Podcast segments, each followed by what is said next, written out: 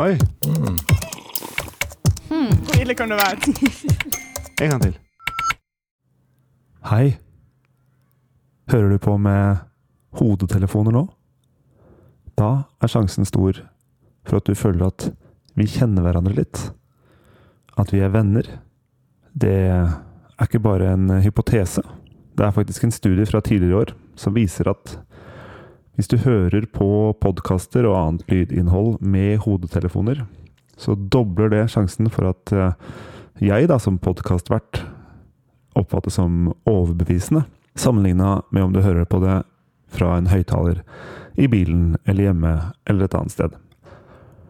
Jeg tenkte det kunne passe med en liten eh, bonusepisode nå i eh, sommervarmen for å gjøre deg oppmerksom på det. Det er jo hyggelig, på en måte.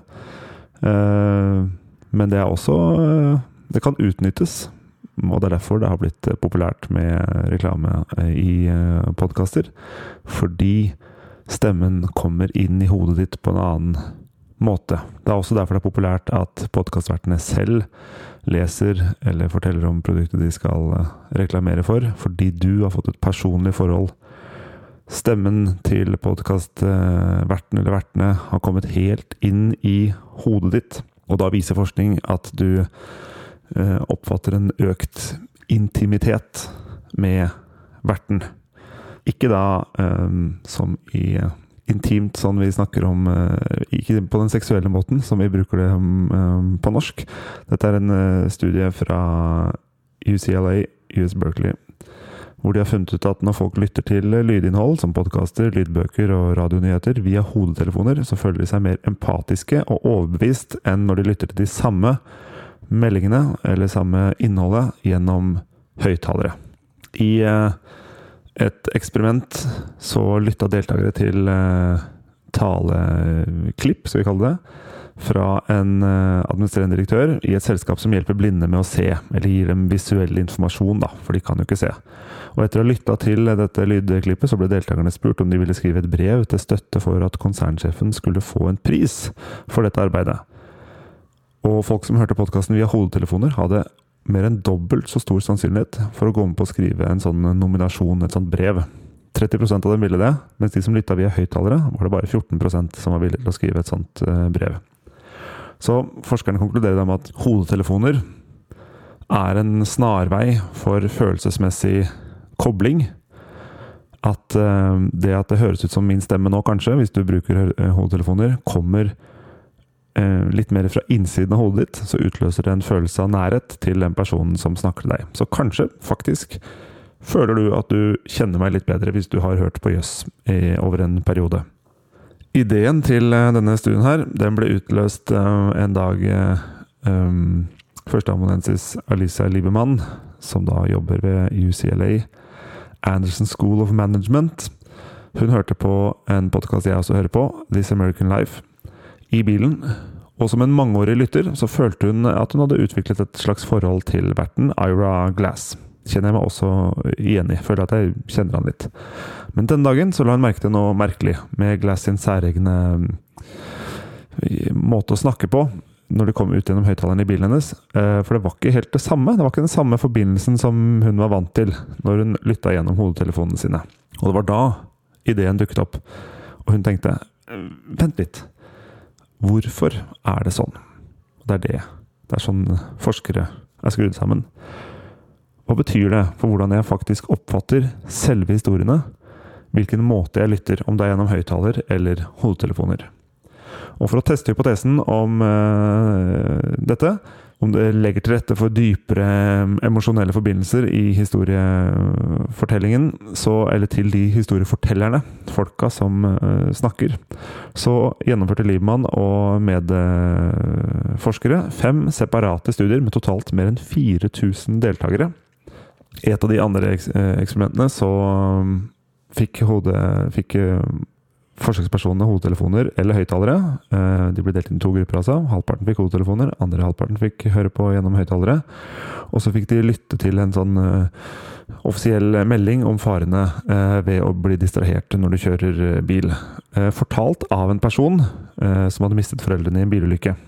Og hodetelefonlytterne eh, de rapporterte seinere eh, om å være klart mer bekymra for trusselen ved å bli distrahert under kjøring, enn de som hørte på via høyttalere.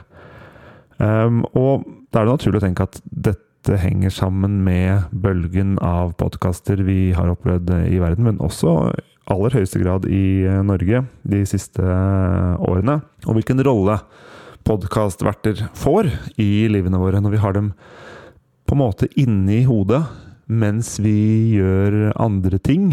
Vi har kanskje ikke garden helt uh, oppe, og får ikke med oss alt uh, uh, Ja, vi, har, vi, er, vi er ikke, har ikke den samme kritiske sansen som vi nødvendigvis har ellers, da, når vi gjør det mens vi kjører bil, eller går en tur, eller vasker opp, eller gjør noe helt annet.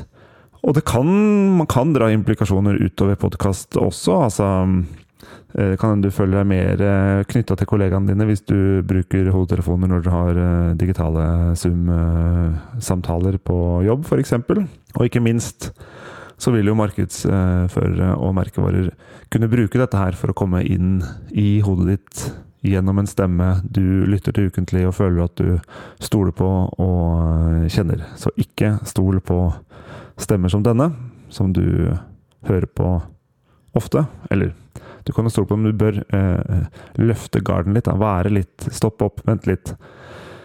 Har vedkommende fått betalt for å si akkurat eh, dette her? Um, en annen interessant uh, studie er jo at uh, vi uh, At podkastlyttere, som deg, da, tydeligvis, er mindre nevrotiske enn andre at det samvarierer med noen personlighetstrekk, det å være en podkastlytter. Da er det en studie fra Australia hvor eh, forskerne har intervjuet 306 personer fra ti ulike land om deres podkastlyttevaner, og deretter har de sammenligna med svarene fra, eh, på hvordan de scorer på ulike personlighetstrekk.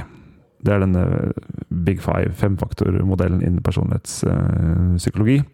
Og det største funnet, som også er gjengitt av, av, NRK og norske medier, er at eh, podkastlyttere eh, gjennomsnittlig er mer nysgjerrige, mer åpne for opplevelser, og mindre nevrotiske enn de som ikke hører på podkast. De som ikke hører dette, f.eks.